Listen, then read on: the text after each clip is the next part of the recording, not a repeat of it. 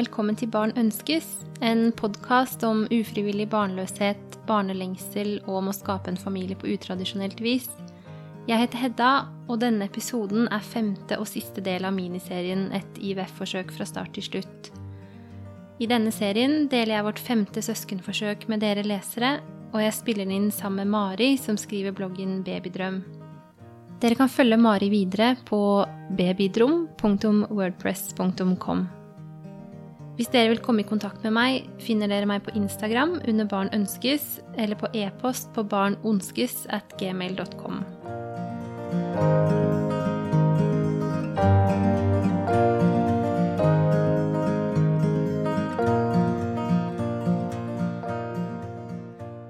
Hei, Mari. Velkommen til siste del av miniserien vår. Takk skal du ha. I dag skal vi jo snakke om eh, det som kan være både si, klimaks og antiklimaks i forsøket. Testingen og resultatet. Mm. Hvordan eh, pleier du å ha det de siste dagene før du skal teste? Eh, man er jo veldig Jeg har vært veldig utålmodig, da.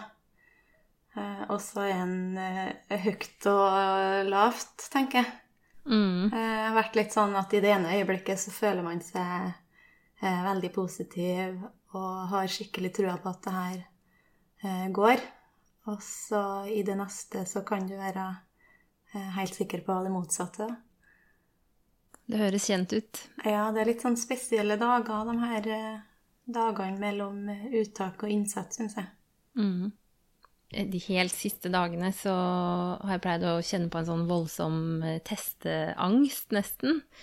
Jeg blir helt sånn Det kjennes ut som at jeg skal holde foredrag for 500 personer og sjekke eksamensresultat samtidig. Det er sånn Jeg blir sånn ordentlig kvalm nesten av å tenke på det.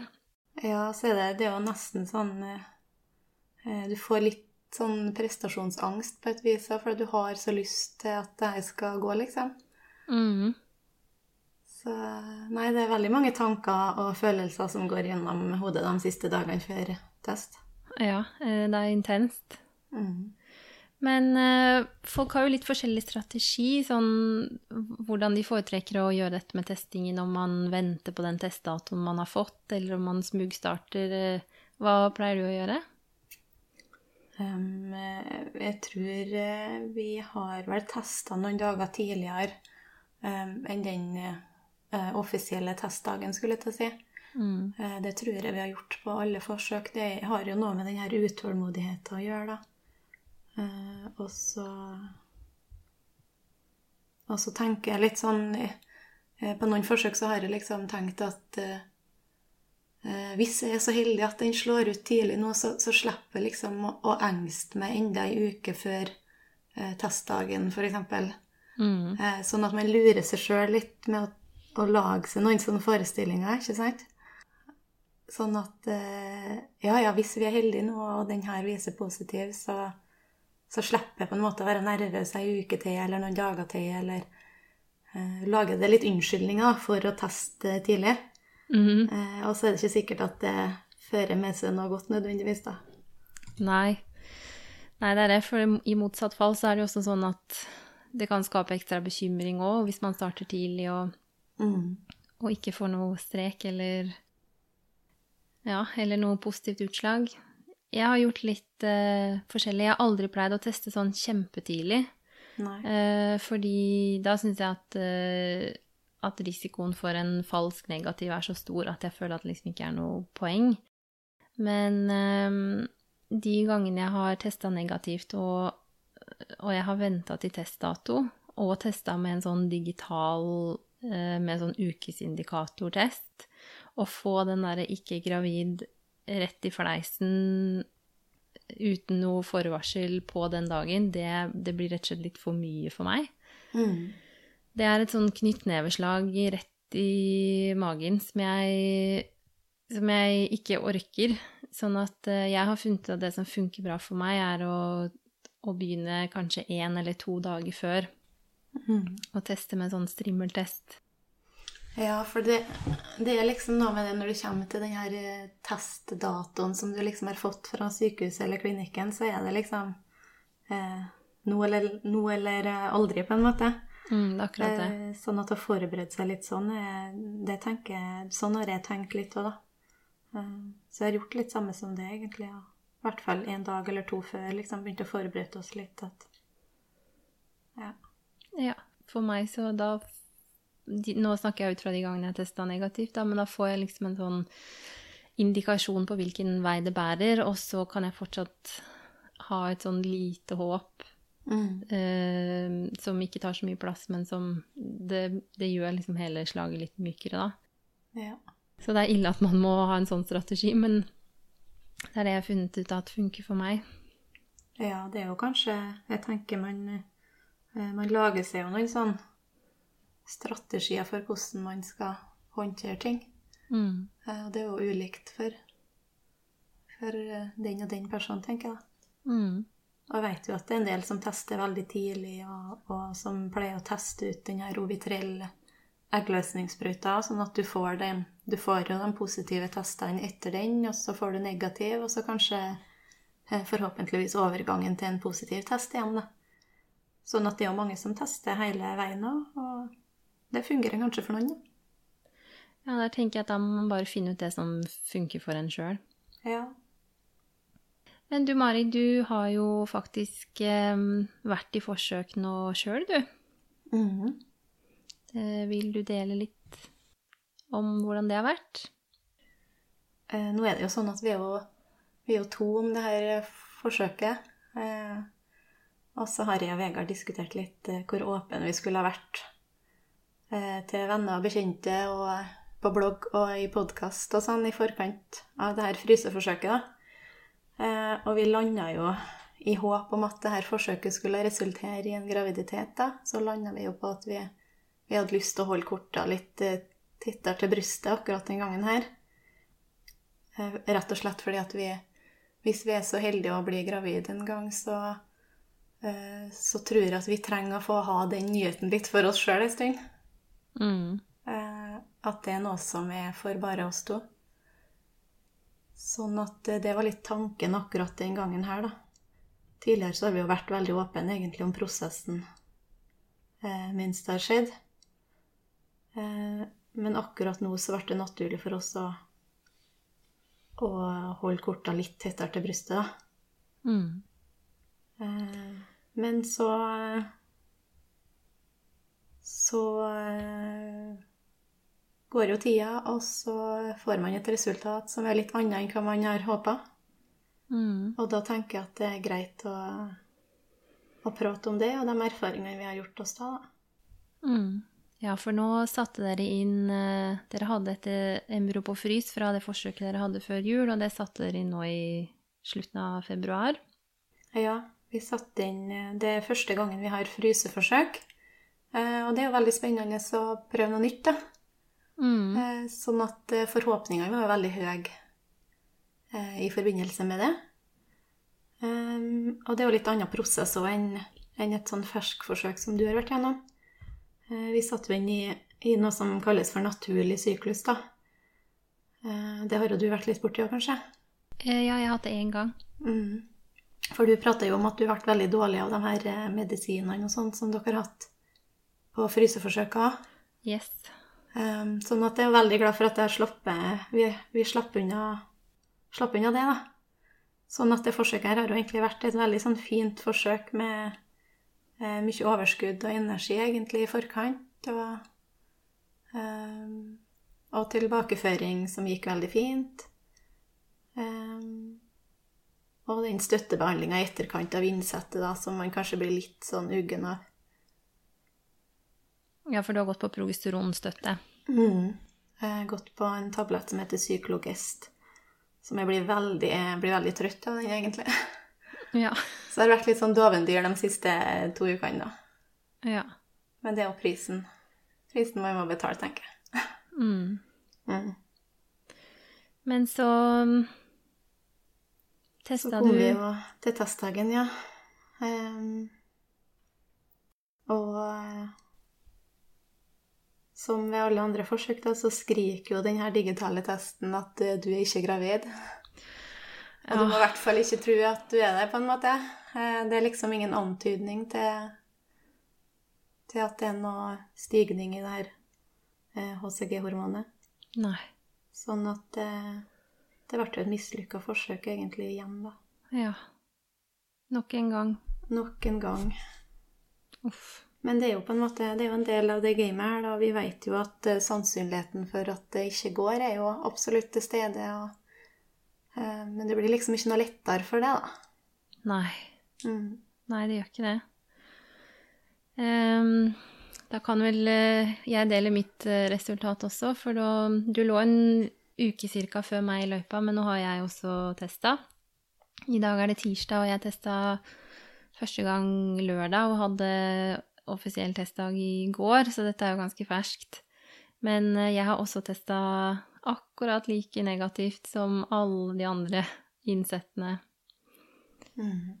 Og jeg, vi valgte faktisk å droppe hele den digitale testen denne gangen, for jeg bare Jeg hadde ikke Jeg orka ikke å se den derre ikke-gravid-teksten svart på hvitt.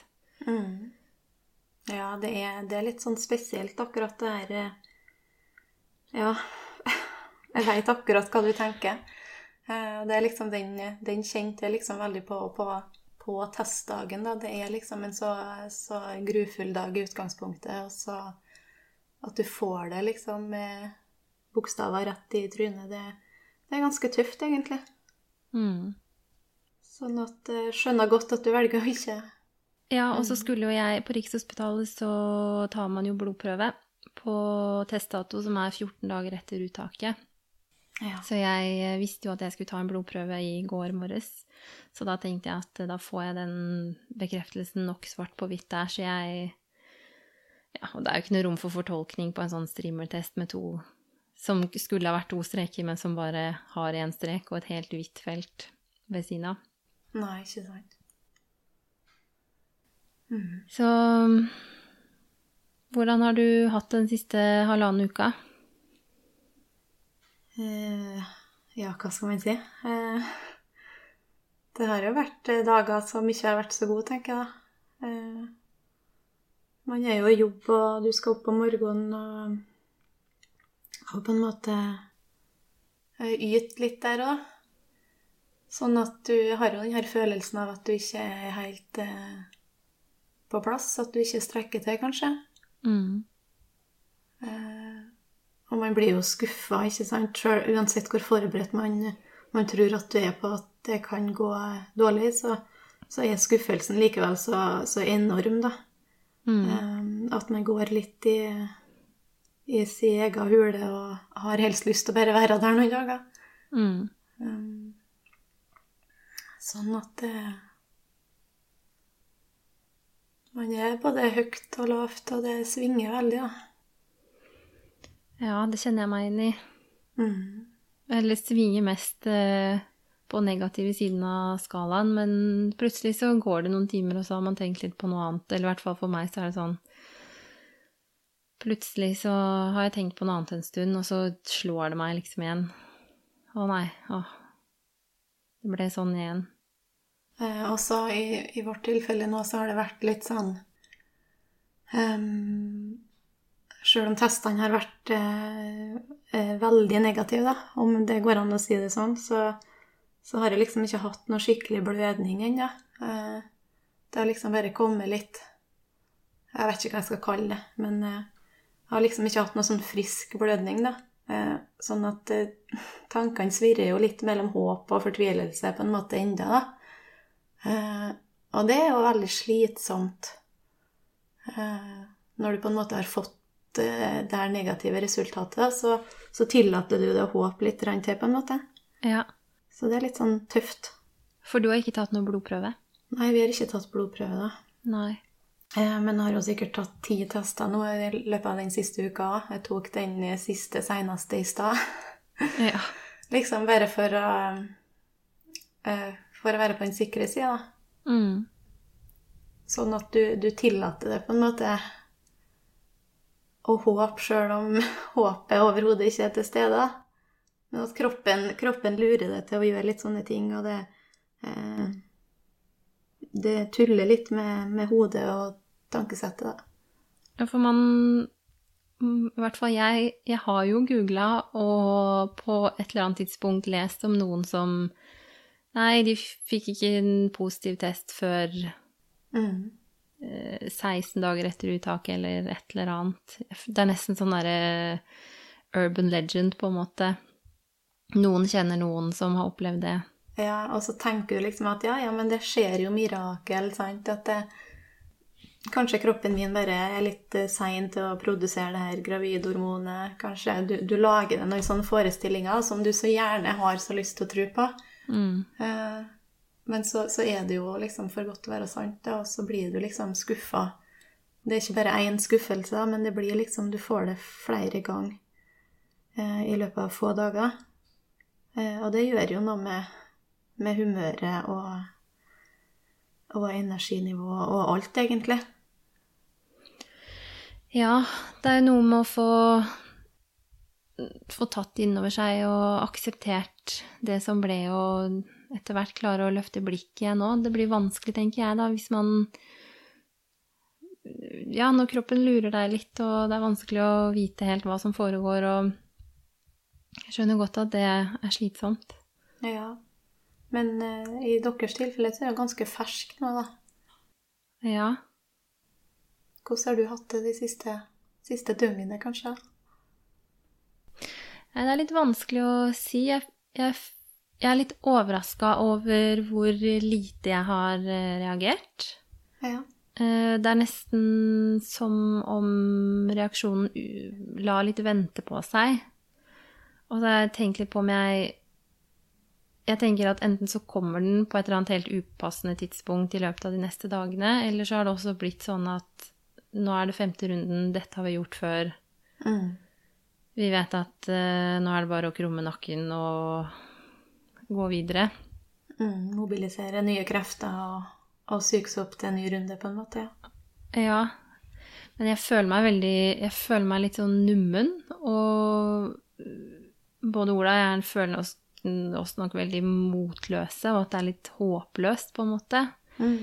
Um, og jeg, jeg tror at jeg kanskje mobiliserer en del ubevisst for å holde det litt på en armlengdes avstand nå. Jeg merker at jeg er veldig anspent i kroppen, veldig sånn stram i kjeven og sliter litt med å få pusten helt ned i magen og sånn.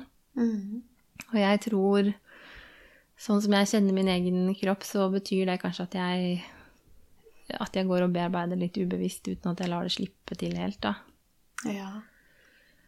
Men for meg så mm, I forrige uke, så før vi testa, så jeg, Det var så rart, altså, men øh, jeg var så utrolig redd for å teste. Jeg følte at fallhøyden var så stor denne gangen. Litt som du sa, det var jo Det var noe nytt vi gjorde nå. Fersk forsøk. Um, og så Jeg bare hadde en sånn dårlig magefølelse, egentlig. ja. Så det var nesten sånn Ikke godt, men det var nesten sånn Ja, da fikk jeg det bekrefta. Mm. Det, det ble ikke denne gangen heller. Helt sånn rart. Altså, det er litt eh, Det er rart, altså. Det er veldig Jeg syns det er Det er følelser som det er vanskelig å sortere. Ja, det er kjempevanskelig, og så, gjør det så mange tanker eh, som svirrer litt sånn samtidig og litt sånn om hverandre, tenker jeg. Samtidig, sånn som, sånn som du sier, så, så føler man seg liksom bare helt litt sånn, litt sånn tom, egentlig. Mm. Eh, og det tror jeg er litt sånn eh, Det er litt sånn vanskelig å, å sortere, sortere de her tankene som, som ligger og kverner. Sånn er det i hvert fall eh, i hodet mitt noen gang. Så føler jeg at det er så, så mange bekymringer, mange eh, mange ting som foregår samtidig, at en ikke veit helt hva en skal tenke til slutt. Ja, det er veldig I går så Da dro jeg til fastlegen og tok blodprøve på morgenen, og så dro jeg hjem, og så sendte jeg melding til sjefen min og skrev at nå har jeg testa negativt igjen, så nå går jeg i dvale i dag, eller jeg går i dekning. Og så vaska jeg huset. Mm. Det var liksom Jeg måtte gjøre et eller annet. Jeg måtte gjøre noe som føltes produktivt, men som jeg ikke trengte å tenke noe. Jeg trengte liksom ikke å skru på huet. Ja. Det er, så, det er ikke så dumt, egentlig. Jeg har hatt en sånn dag i løpet av denne ventetida hvor jeg bare eh, måtte gjøre noe for å få tankene på noe annet. Eh, For at det, det verste på en måte jeg kan gjøre mot meg sjøl, eh, fra innsett og fram mot test og litt sånn i ettertid, egentlig, er liksom å, å sitte og la tankene få slippe til, egentlig. Eh, For da, da kan liksom alt komme eh, så voldsomt, da. Sånn at å, å gjøre Å fylle dagene med noe, det, det har vært viktig for min del, da. Eh, Komme opp om morgenen og, og faktisk fære på jobb. Eh, Sjøl om det er det siste jeg har lyst til, liksom. Mm. Så, så vet jeg liksom at løsninga for min del er ikke å være hjemme, men å komme ut og få noe ut av dagen, liksom. Det er viktig for meg, da. Mm. Det er jo kjempefint at du, at du vet det om deg selv, sånn at du vet at selv om det ikke føles eh, bra akkurat nå, så er dette det beste for meg allikevel. Mm. Og det har jeg jo lært i løpet av denne prosessen, sant. Mm. Jeg har jo prøvd å være hjemme, og veit eh, hva det gjør med meg sjøl, da. Så sjøl om eh, jeg er på testdagen nå, liksom, så, så var det jo kjempetøft å dra hjemmefra og dra fra en Vegard og eh, sette meg i bilen og kjøre en halvtime på jobb. Eh, hvor tårene bare strømmer på, så vet jeg på en måte at det, eh, alternativet er å være hjemme og, og la alle tankene eh, få komme ut, da, det er liksom ikke noe, noe løsning på problemet. Eh, det er liksom bare godt å få den ut av dagen og finne mening i å være på jobb og i lag med elevene og eh, gode kollegaer. Mm. Så, så det har vært godt i den tida her, syns jeg. Mm. Hva, hvordan eh, har det vært for deg og Vegard som par, og for han, denne uka? Eh, det har vært eh, litt sånn Ja, det har vært opp og ned, det òg, egentlig, da. Eh, Vegard var borte i helga som var, eh, på guttetur, og det er jo kjempefint at han kan få tankene på noe annet. Eh, samtidig så har jeg vært litt for meg sjøl, da. Og grubla en del, og eh, kjent på kroppen hva liksom eh, eh, smerter de her eh, syklusene kan føre med seg, da, om jeg kan si det sånn. Mm. Eh, sånn at vi har egentlig ikke vært så veldig mye i lag, for han jobber skift og har vært på guttetur. Og, sånn at vi har nok ikke fått, fått bearbeida det helt eh, som par, da. Nei. Men jeg tror vi, vi trenger liksom å, å få litt tid hver for oss før vi kan sette oss ned og prate om det. Mm. Eh, Det må få, få eh, gå litt opp for oss først, da. Mm. Ja, det kjenner jeg meg igjen i, at det må synke inn det må synke inn hos meg, og det må synke inn hos Ola, og så skal det også synke inn hos oss Ja, som et par. det er liksom ikke noe alternativ å sitte og, sitte og prate om det her når man har tårene eh, helt i øyekroken og, og klumpen er helt oppi halsen, på en måte. Eh, det må liksom få rose ned litt, og så, så kan vi sitte og snakke om det eh, når vi greier å prate litt mer om det, da. Mm. Det tror jeg har vært veien for oss, da, egentlig. Mm. Så, men det er jo litt sånn rart det her, liksom, at det er jo eh, med, med oss så har vi liksom ikke jeg, har, jeg har ikke vært så flink til å involvere den Vegard i denne testinga.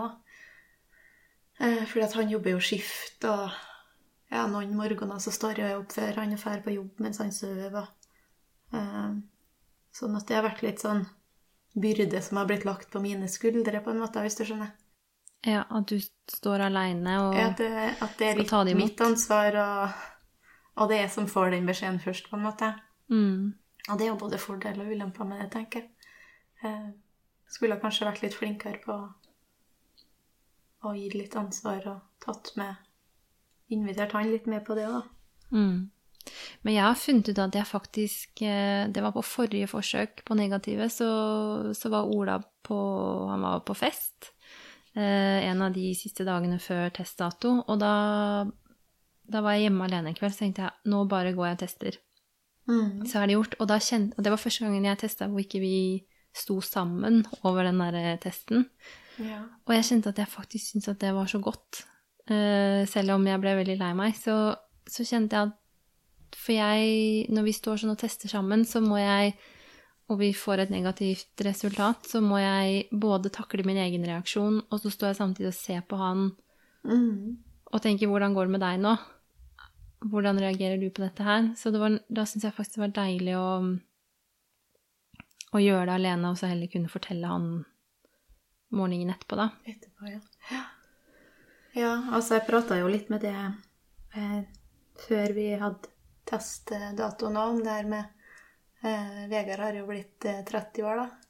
Mm. Eh, midt, ja, det var dagen etter eh, testdatoen, da, så ble han 30 år. Eh, og så lager har jo litt sånn, lager jo store forventninger til meg sjøl på en måte, med at jeg har lyst til å, å gi han eh, den beste gaven som han kan få, da, på en måte. Eh, og det er jo selvfølgelig en positiv test, da. Eh, sånn at forventningene liksom har blitt bare enda større på grunn av det òg, da. Mm. Eh, men så hadde det jo liksom vært verdens beste gave å kunne gi òg, da. Sånn at eh, Det er liksom Ja. Det er litt sånn rart. Jeg skjønner så godt at du, at du tenkte sånn, fordi en av de tingene som jeg syns har vært litt sårt, som er en sånn ting som, som jeg tenker på noen ganger, er det der med at jeg føler at når man holder på med IVF og assistert befruktning, så du går litt glipp av noe av den derre magien Eh, man hører liksom venninner som blir spontant gravide, som eh, overrasker kjæresten med et eller annet. Mens for oss så blir det så klinisk. Man, han vet akkurat hvilken dato jeg skal teste, og uh, Så jeg, jeg skjønner så godt det håpet eller ønsket om å Å kunne Og- få lage den overraskelsen, ja. Ja. Mm. Men samtidig så er det jo Det er jo et høyt spill, da. Mm. Ja, det, det, det har jeg tenkt på veldig mange ganger sjøl òg, at, eh, at de som blir gravid på en måte på, på naturlig måte, de blir jo litt overraska sjøl da. Når Mm. de endelig står der, og den testen viser positiv eh, Og vi blir jo, blir jo sikkert overraska den dagen vi får positiv test, vi òg, men, men det er liksom så knyttet opp til en spesiell dato, og eh, alt er så satt, da, liksom. Mm. Eh, og kommende besteforeldre skulle jeg til å si, veit liksom hva dag det er snakk om, og eh, har liksom så, så lyst til å, å kunne overraske dem òg. Mm. Og det er jo litt sånn sårt, kjenner jeg. Jeg får litt sånn klump i halsen. Ja. ja, jeg har eh, ikke fortalt det til mamma ennå.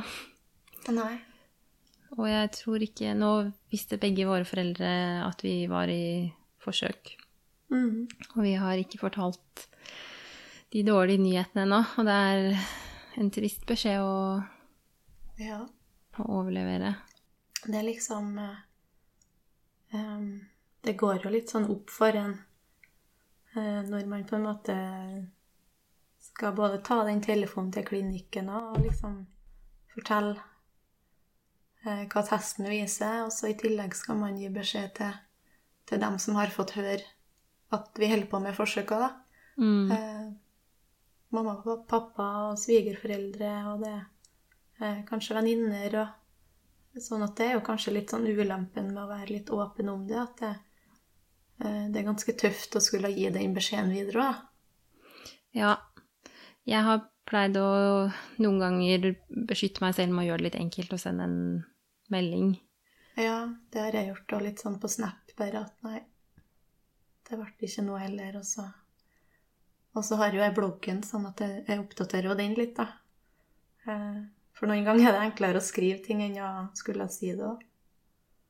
Jeg kjente, apropos du sier å ringe klinikken, jeg kjente i går morges når jeg var på fastlegekontoret for å ta blodprøve, så kom jeg inn til den veldig søte eh, ja, hun som jobber på laben der, da. Eh, som nok trodde først at jeg kom med en Eller at jeg skulle ta den prøven fordi at jeg hadde et gledelig resultat. Så hun var litt sånn 'Å, så spennende', og jeg, jeg kjente liksom tårene sprengte. Og så kom fastlegen min inn akkurat når jeg satt og tok blodprøva, og hun også visste jo at jeg skulle ta den testen, så hun liksom smilte fra øre til øre og var sånn 'Å, så spennende, lykke til'. Og jeg, så sa jeg bare 'Men jeg har testa, så dette er, det er ikke noe'. Og da kjente jeg sånn liksom Underleppa begynner sånn å riste, og, Mm. og så kjente jeg bare nei, dette orker jeg ikke å begynne å grine her nå, så jeg Åh, Ja, det blir litt bare sånn at du, du holder det litt. Eh, Det er liksom å prøve å holde den her maska ikke sant, ute blant folk, og eh, man holder ting eh, inni seg og liksom. Mm. Eh, men det er ikke så enkelt. Det er ikke så enkelt alltid når folk spør hvordan det går, og ikke sant? Nei. Eh, Nei, det kan være litt tøft når, det, når ting egentlig ikke går så bra, å få det spørsmålet. Ja, 'Hvordan går det med deg i dag?' liksom. Ja.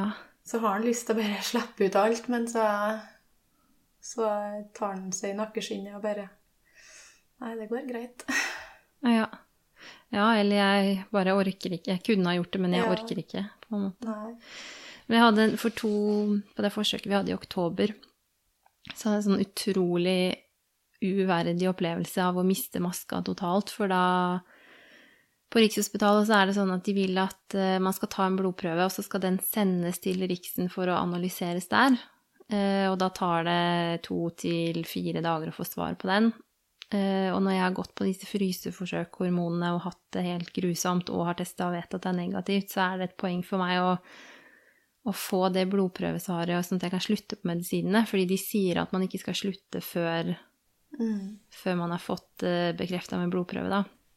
Ja. Også på de to første forsøkene, så i, i fjor så tok jeg prøven på Hamar sykehus, og så klarte jeg å overtale de til å ta dobbelt prøve, for jeg forklarte liksom saken, eh, sånn at jeg fikk svar på dagen. Og så i oktober så tenkte jeg at jeg skulle få de til å gjøre det samme, og så blånekta hun som satt i resepsjonen. Hun sa nei, nei, det kan vi ikke gjøre, du har rekvisisjon for én prøve, så da tar vi én prøve. Og jeg Da mista jeg det helt. Mm. Og jeg satt i den blodprøvekøa i tre kvarter utafor Narvesen på Hamar sykehus, liksom innafor et kjempestort vindu rett innenfor hovedinngangen, og gråt og gråt og gråt og gråt. Og det var sånn snørr og tårer bare rant, og folk satt og så på meg.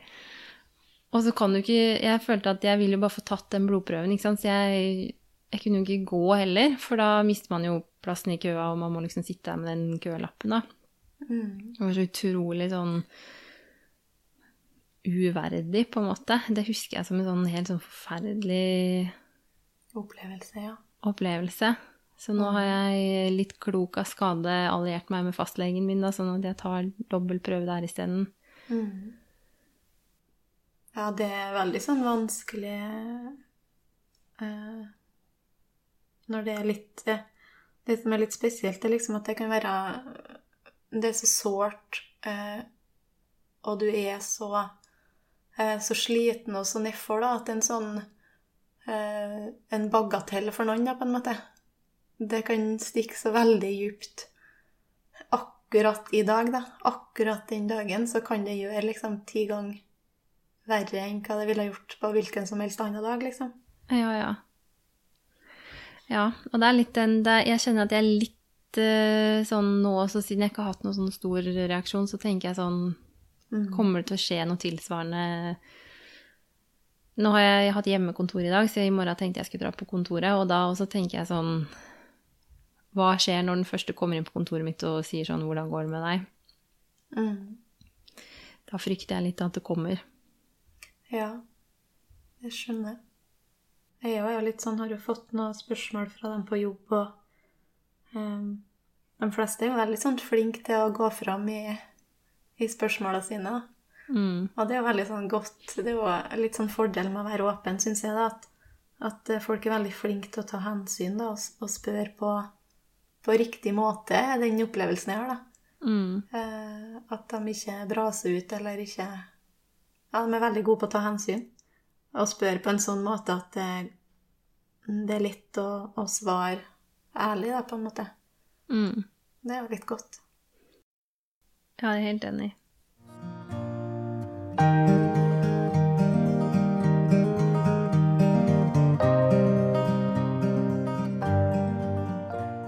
Men har du noe sånn eh, Vi snakket om litt om strategi for testing i stad, men har du noen sånne strategi for å komme deg gjennom disse dagene? Nå har du jo dessverre fått litt erfaring med det. Mm. Eh, det som på en måte har vært viktig for oss, er å ha en plan for hva som skjer videre, da. Jeg er jo litt sånn kontrollfrik og liker liksom å ha, å vite hva som, hva som er neste steg hvis det ikke går, da. Mm. Eh, og det var litt sånn annerledes på det forsøket her, så, så bestemte vi oss, liksom, eller vi ble enige med legen vår om at eh, nå skal vi ikke diskutere eh, hva vi skal gjøre hvis det ikke går. Nå skal vi liksom ta det hvis det blir aktuelt, hvis du skjønner. Mm. Eh, prøve å være så positiv som vi kan, og ikke tenke at det ikke går, på en måte. Ja, det var det som var tanken, liksom. Eh, men så sitter den jo her, da, når du får den negative testen, og så starter jo egentlig tankekverna med en gang at eh, hva er det som skjer nå, hva skal vi prøve nå? Eh, Hva blir neste? Skal vi til utlandet? Skal vi adoptere? Skal vi Det er så sinnssykt mange sånn Det blir kaos i hodet mitt, da, for at jeg ikke veit liksom hva planen er. Nei, det skjønner jeg så godt. Sånn at jeg kjenner jeg angrer litt på det, da, at vi lot oss overtale til å ikke ha noen plan, hvis du skjønner. Ja. Eh, For det, det tror jeg er ganske viktig for meg som type, da. Så, så er det å ha en plan eh, litt viktig når ting ikke går sånn som man vil, da. Ja. For da får du liksom trua på at eh, ja, ja, men Ja, det går Det, det er noe trist, men det, vi skal nå komme oss forbi det her, og nå er neste steg det, liksom. Mm. Jeg kjenner, eh, jeg kjenner meg veldig igjen i det, både for min egen del og også fra det jeg hører andre fortelle. At det med å ha planen for neste, neste skritt, det blir liksom det man klamrer seg til gjennom disse dagene her. At du vet at uh, uh, Ja, at det er liksom Ja, men i mai igjen, eller en eller annen gang, så Mm. Ja, det stopper liksom ikke her, på en måte. Uh, at det er det vi, vi skal prøve noe mer, og vi har en plan for Ja, det, det tror jeg er lurt for noen, da. I hvert fall dem som liker å ha litt kontroll. og Jeg er jo ikke så veldig impulsiv, men sånn at jeg liker å ha liksom planen klar, da. Så det har vært litt vanskelig. Nå hadde jeg jo en samtale med legen min i dag. mm. Eh, Så det er jo ei uke etter negativ test, da, så denne uka her så har det jo vært mye sånn Hva skal vi prøve nå? Søk på Google. Eh, Har dere noen tips til hva vi kan sjekke ut?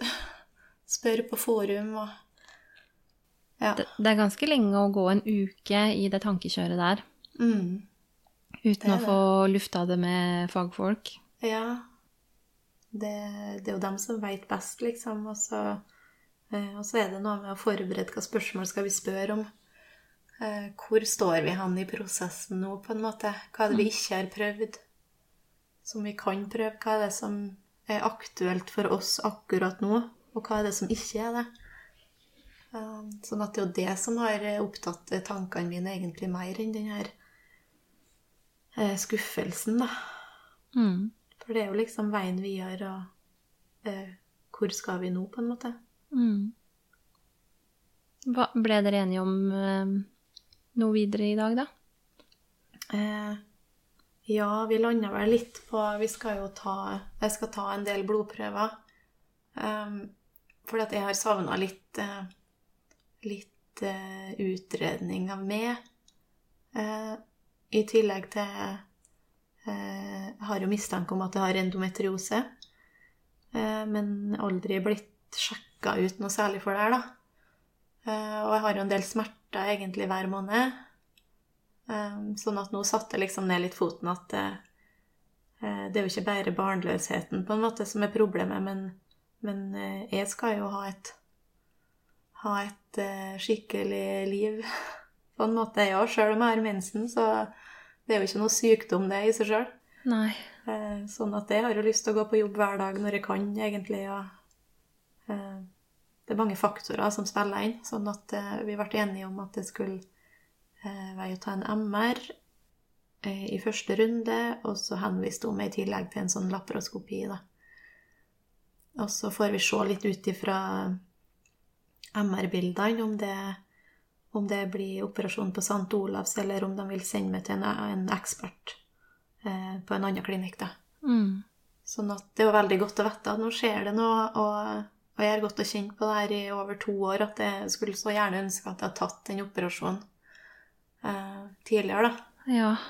Um, sånn at det var viktig for meg eh, før vi eventuelt tar det store skrittet og drar til utlandet og prøver eggdonasjon, da, så må jeg liksom kjenne på den følelsen eh, inni meg som at den sier at eh, vi har gjort det som vi kan eh, med utredning av meg og mine egg og mine verdier og, og alt sånt der, da. Mm. Eh, hvis ikke så har jeg sikkert gått og tenkt på denne operasjonen i 10-20 år til, altså. Og det skjønner jeg så godt. Mm. Og det er den derre Nå har jo vi hatt eh, Selv om du har hatt ferskforsøk hovedsakelig, og jeg har hatt frys hovedsakelig, så har jo vi hatt like mange negative innsett nå. Mm. Og den derre eh, I hvert fall jeg føler veldig nå at jeg har kommet til et sånt punkt hvor ja, det kan fortsatt være helt tilfeldig Mm. at det ikke har gått, og det kan fortsatt være sånn at hvis vi gjør et nytt innsett nå, så sitter den. Men uh, den derre tanken om at eh, det må være et eller annet mer Ja, eller at det i hvert fall det kan være. Ja, Det kan være noe. ja, det, ja, ja du har helt rett. Det kan Det må ikke, men, men eh, det, det kan være, ja. Ja, og det er den som er litt sånn vanskelig på en måte å akseptere, med mindre du har fått sjekka ut ting ordentlig, da. Eh, Så veit jeg ikke om jeg greier å slå meg til ro med den tanken at at eh, det var helt sikkert noe med eggene mine som gjorde at det ikke ble. Men jeg må liksom ha utelukka alt andre da, før jeg kan slå meg til ro med den. Eh, Hvis ikke så blir det en sånn, sånn ting man kan gruble på til man eh, går i grava også, tror jeg. Mm. Så, så det var veldig viktig for meg at jeg fikk, fikk sagt det til legen min i dag, da. Ja. Eh, Og det er ikke alltid så enkelt på en måte å stå på sitt heller.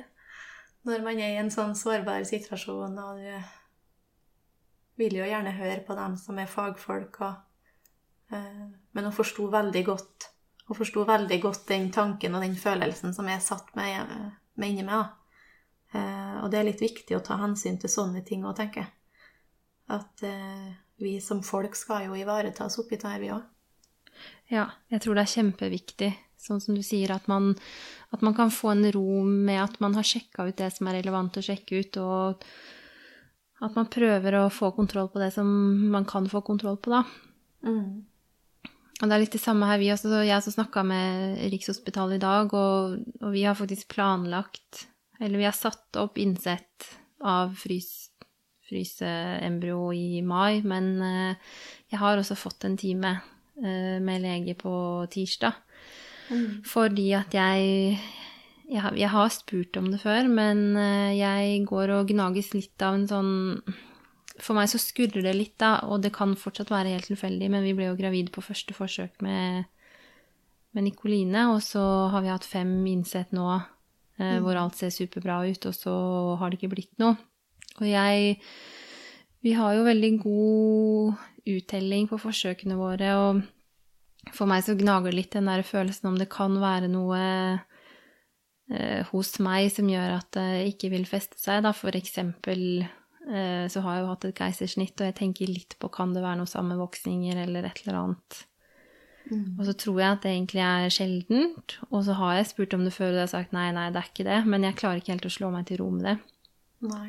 Så nå har jeg sagt til Ola at nå må du bli med på tirsdag, Ja, sånn at ikke Ja. Ja, sånn at han kunne på en måte hjelpe til litt. Og det er veldig vanskelig det her når du er helt alene, og, eh, og du ikke har den magefølelsen sjøl, da.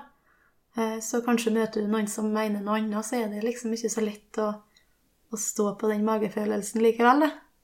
Nei, for jeg vet jo strengt tatt ikke noe om dette her. Det er ikke mitt fag. Nei, ikke sant?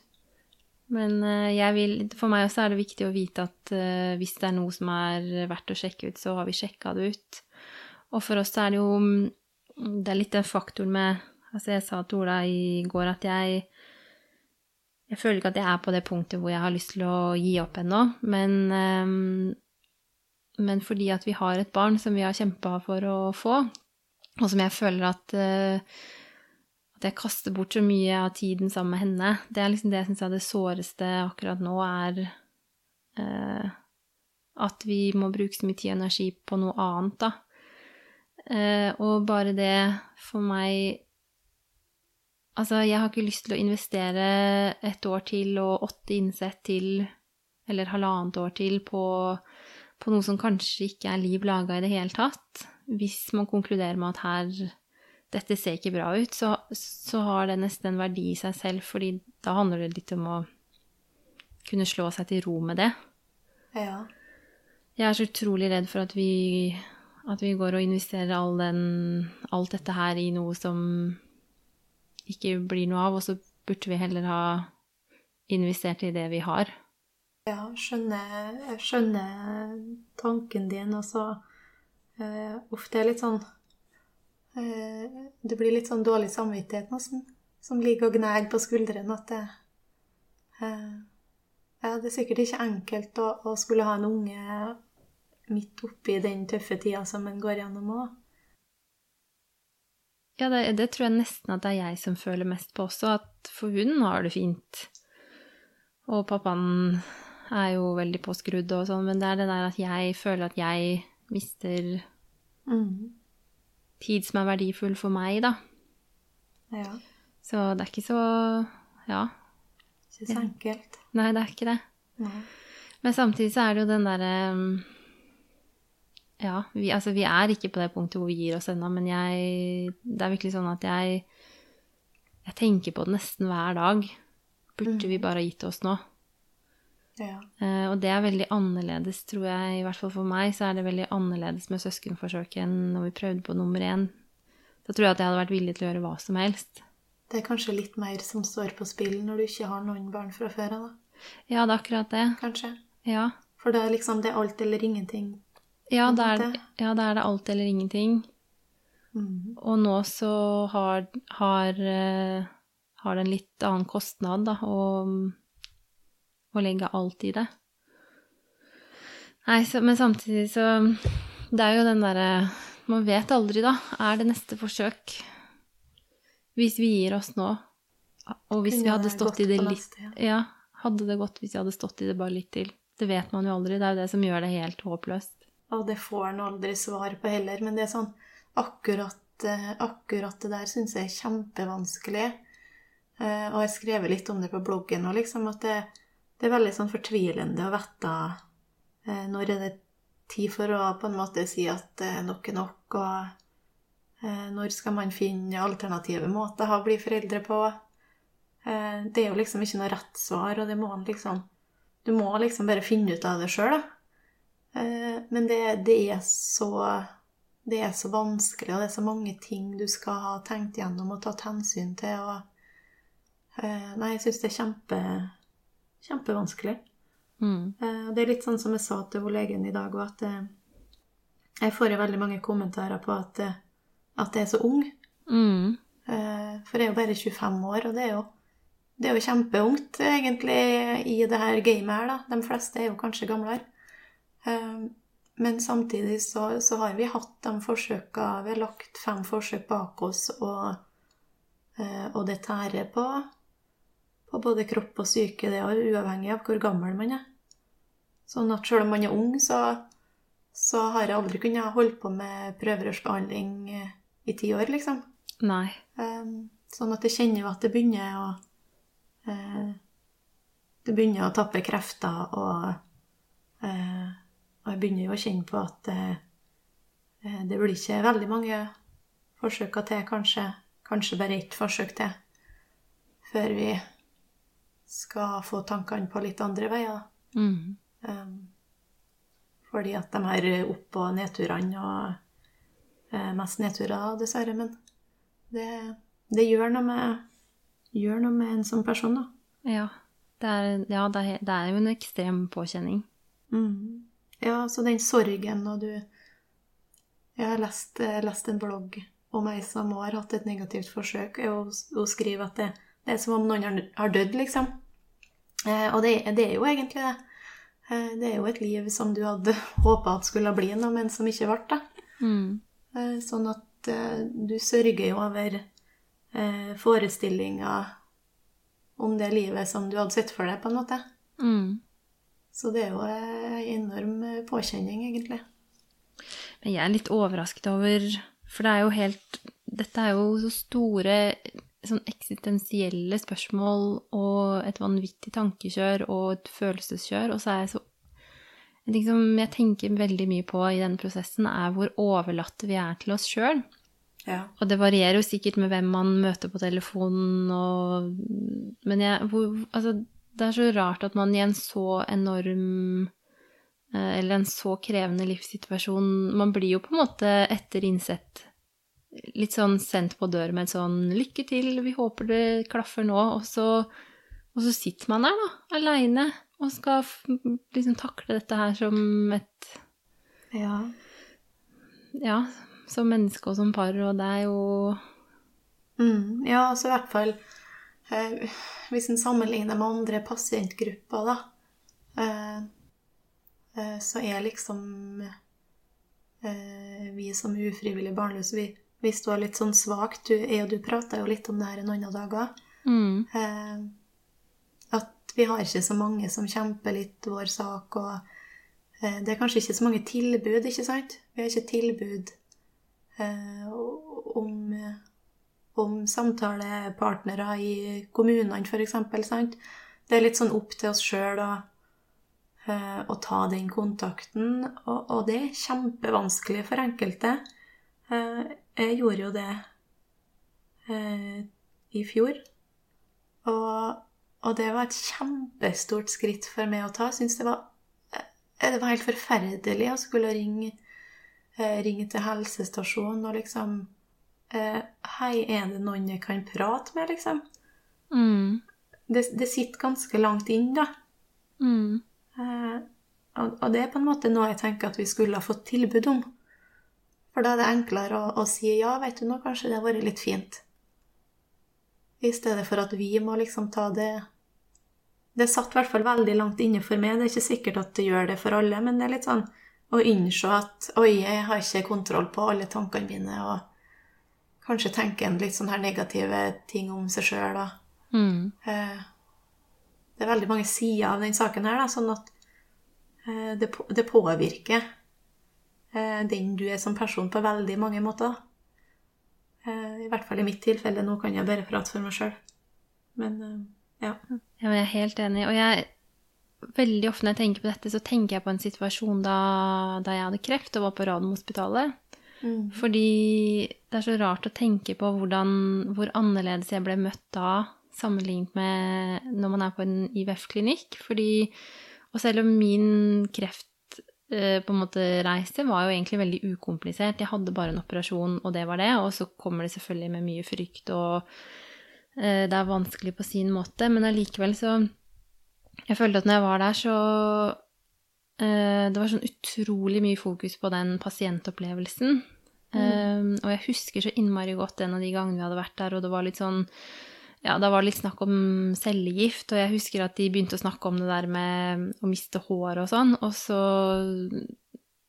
Og jeg, jeg reagerte nok mer på det enn det jeg egentlig helt turte å, å innrømme. Og da husker jeg så godt at For da var det med en sånn pasientkoordinator på den konsultasjonen, og etter at vi hadde gått ut fra legekontoret, så sa hun sånn 'bli med her nå', og så tok hun med Ola og meg inn på et eh, inn på et eh, sånn litt sånn samtalerom, og så sa hun sånn Nå setter du deg ned i sofaen her, og så nå ser jeg at du mobiliserer, og jeg ser at du eh, sliter med å ta det her innover deg, og du kommer til å få en reaksjon, og den vil jeg at du skal få her, og ikke i bilen på vei hjem. Så nå sitter vi her til du liksom får ut det du trenger å få ut, og, og du kan stille de spørsmålene som dukker opp litt sånn nå i løpet av den neste halvtimen, på en måte.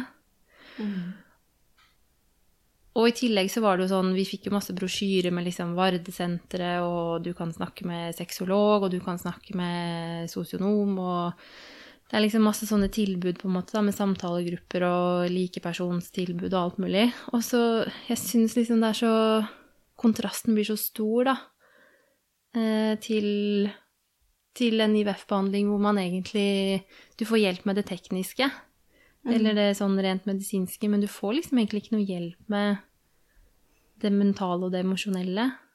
Og for meg så Det har jo krevd mye, mye mer av meg dette enn det å bli operert for en liten kreftsvulst. Ja. Jeg har jo savna Det var jo kanskje spesielt på, eh, på sykehuset, da, så er det liksom litt den her som veldig mange beskriver som samlebånds. Eh, det er veldig fort inn og ut, og eh, man føler kanskje at man rekker å ta ett spørsmål, på en måte, og så, så vet du at de har det så travelt. Og, og, det er veldig synd at det er sånn, men det er jo fordi at det, det er jo ganske mange som behøver hjelp, da. Mm. Sånn at man ser jo liksom at det, de har liksom ikke kapasitet nok til å Eh, kunne sette av skikkelig med tid til hver enkelt. da. Eh, men jeg tenker liksom at, at alle skulle ha fått tilbudet, og så, og så har de som kjent på det behovet, da. Så er det kanskje litt enklere å, å, takke ja til det i stedet for at man skal oppsøke den hjelpa sjøl. Eh, for det, det, kan sitte langt inne hos enkelte, tror jeg. Ja, ja det tror jeg også. Og også for partner, som det kanskje ja. sitter enda lenger inne for. Mm. Ja. Også bare det at noen kunne ha prata med oss om eh, hva følelser og hva tanker som, som, det er helt naturlig at du kan kjenne på i denne perioden. Mm. For det er jo litt sånn at man føler seg kanskje litt sånn Jeg er i hvert fall kjent på litt sånn følelser eh, som jeg føler er litt sånn Ikke forbudt, men at det er litt sånn dårlige dårlige følelser å ha inni seg, da. Men som kanskje er helt naturlig i den settingen som, som vi faktisk er i.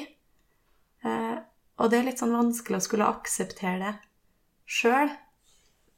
Men om noen har liksom sagt til meg at veit du noe eh, Det er helt naturlig at du kanskje føler at du er misunnelig, eller at du kjenner på eh, den her skyldfølelsen som mange kjenner på. Eh, så blir det kanskje litt enklere å skulle hanskes med de følelsene, da. Mm.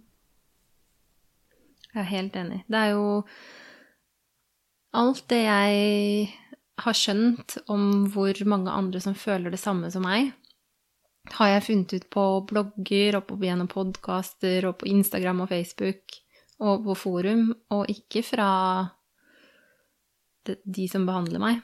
Nei. Og det syns jeg er veldig synd, da. Ja, men det er det jeg tenker at det er litt sånn viktig eh, Viktig, sånn som denne podkasten her òg, at vi, vi, vi snakker litt om det og er litt mer åpne om det og, og, og støtter litt hverandre òg, for det er jo ingen det er ingen andre enn oss som er i de her eh, situasjonene, som vet hvordan det er. Nei. Og det er jo vi som går og kjenner på de samme tankene og de samme følelsene. Eh, og da ser jeg liksom ingen grunn til at vi ikke skal eh, kunne hjelpe hverandre og lufte hverandre. Eh, og det er litt sånn viktig å, å, tenke litt på. Og i dagens samfunn så er vi jo såpass heldige at vi har Facebook og vi har Instagram. Og, eh, og liksom de siste dagene etter, etter at jeg la ut eh, om forsøket nå, så har jeg hatt så mange fine samtaler med, med andre som er i samme situasjon med andre som, som går gravid nå, eh, og som skriver at de tenker på oss. Og, eh, og, og, og, det at vi, vi, har mulighet til å kunne prate med hverandre og, dele erfaringer og tanker, eh, syns jeg er med på at den prosessen blir litt enklere, da. Ja, jeg er så enig. Det er så, jeg også syns det er så utrolig fint at, uh, at det fins. Ja. Og at uh, vi kan støtte hverandre og snakke om det. Mm. Så man skjønner at man ikke er alene. Ja. Jeg lurer på om det kan være et fint sted å avslutte, Mari, for nå har vi snakka sammen en mm. time. Jeg håper jo eh, Jeg har tenkt på litt de siste dagene at eh, det er litt rart at dette liksom er siste innspilling som vi gjør i denne miniserien. Mm. Og så har jeg tenkt at jeg håper jo veldig at du vil komme tilbake som gjest eh, senere. Mm. Og forhåpen, ja, forhåpentligvis Det mm. aller beste hadde jo vært eh, om du kunne komme tilbake som gjest og fortelle hvordan det var å lykkes. Ja. Vi får krysse fingrene for det, og så hadde jo det vært veldig sånn fint. Ja. Eh, ja. Så det er det jeg håper på å krysse fingre og tær for. Ja, og så blir det jo litt sånn Vi veit jo ikke helt hva framtida bringer, på en måte, så kanskje blir det Kanskje blir det et forsøk til i Norge, kanskje blir det eggdonasjon. Og det er jo eh, mange spørsmål og valg å ta knytta til det sånn at det er veldig aktuelt å, å, å prate om eggdonasjon òg. Det er jo litt sånn i vinden for tida. Ja, virkelig. Så vi får se litt hva, det, hva vi lander på. Ja. Så tusen, tusen takk, Mari, for at du har vært med på disse episodene. Mm. Og så ønsker jeg deg og Vegard veldig lykke til. Ja, dere òg. Og så holder vi kontakten. Det gjør vi. Ja. Ok, takk for nå. Dette var altså siste episode i miniserien Et IVF-forsøk fra start til slutt. Fremover så vil det bli mer variert innhold i podkasten, og innhold som eh, kretser rundt mange ulike temaer innenfor ufrivillig barnløshet og barnelengsel. Og så har jeg lyst til å gjøre en liten forventningsavklaring. Denne podkasten er noe jeg lager på kveldstid ved siden av full jobb og alt annet i livet. Og under denne miniserien har det vært naturlig å publisere en episode ukentlig, men fordi det tar en del tid å finne gjester som kan tenke seg å delta, og innspillingstidspunkter som passer, og all tid som går med til eh, redigering og publisering av episodene, så tenker jeg at jeg fremover må sikte mot et realistisk intervall for publisering av episoder. Så jeg kommer til å sikte mot å legge ut en episode annenhver uke. Noen ganger blir det kanskje oftere, og noen ganger kan det hende det går lengre tid imellom. Jeg håper uansett at dere vil følge med videre, og at dere vil ta kontakt med meg hvis det er eh, spesielle temaer eller noe dere ønsker at jeg skal ta opp i podkasten. Vi høres.